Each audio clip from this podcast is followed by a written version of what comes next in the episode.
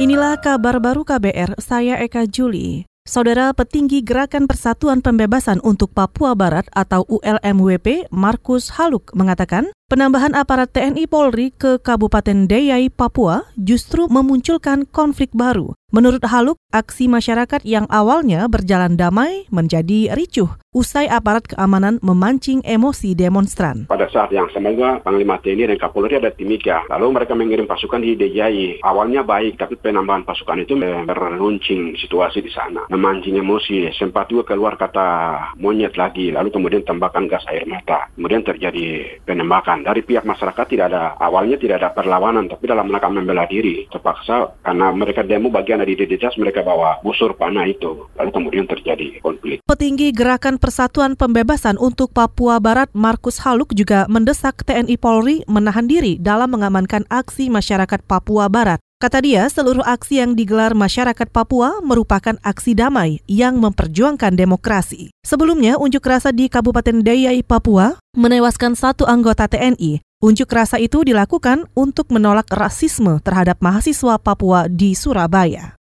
Kita ke soal korupsi. Komisi Pemberantasan Korupsi atau KPK memanggil dua dosen Institut Teknologi Bandung atau ITB dalam penyidikan kasus suap terkait pengadaan satelit monitoring di Badan Keamanan Laut atau Bakamla tahun 2016. Informasi selengkapnya disampaikan jurnalis KBR Astri Yuwanasari dari Gedung Merah Putih KPK Jakarta. Saudara, Komisi Pemberantasan Korupsi KPK memanggil dua dosen Institut Teknologi Bandung atau ITB dalam penyidikan kasus suap terkait pengadaan satelit monitoring di Badan Keamanan Laut atau Bakamla Republik Indonesia tahun 2016.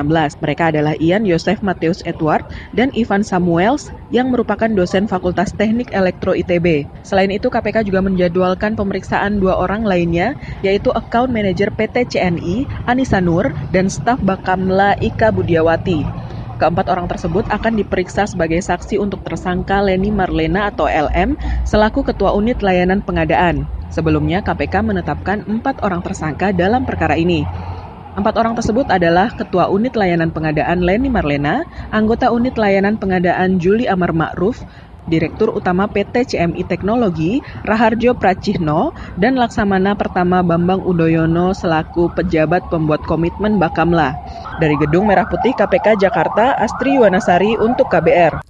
Saudara Komisi Bidang Pemberdayaan Perempuan DPR RI berencana menggelar rapat bersama Panitia Kerja Rancangan Kitab Undang-Undang Hukum Pidana. Wakil Ketua Komisi Bidang Pemberdayaan Perempuan Aceh Hasan Sadzili menyebut agenda rapat adalah mensinergikan pasal pemidanaan dalam Rancangan Undang-Undang Penghapusan Kekerasan Seksual atau RUU PKS. Rencananya minggu depan kita akan rapat dengan Panja RUU KUHP untuk mensinkronkan beberapa jenis pemidanaan yang nanti akan dijadikan sebagai bahan acuan kita untuk membahas langkah-langkah selanjutnya, terutama aspek pencegahan dan aspek rehabilitasi terhadap korban kekerasan seksual.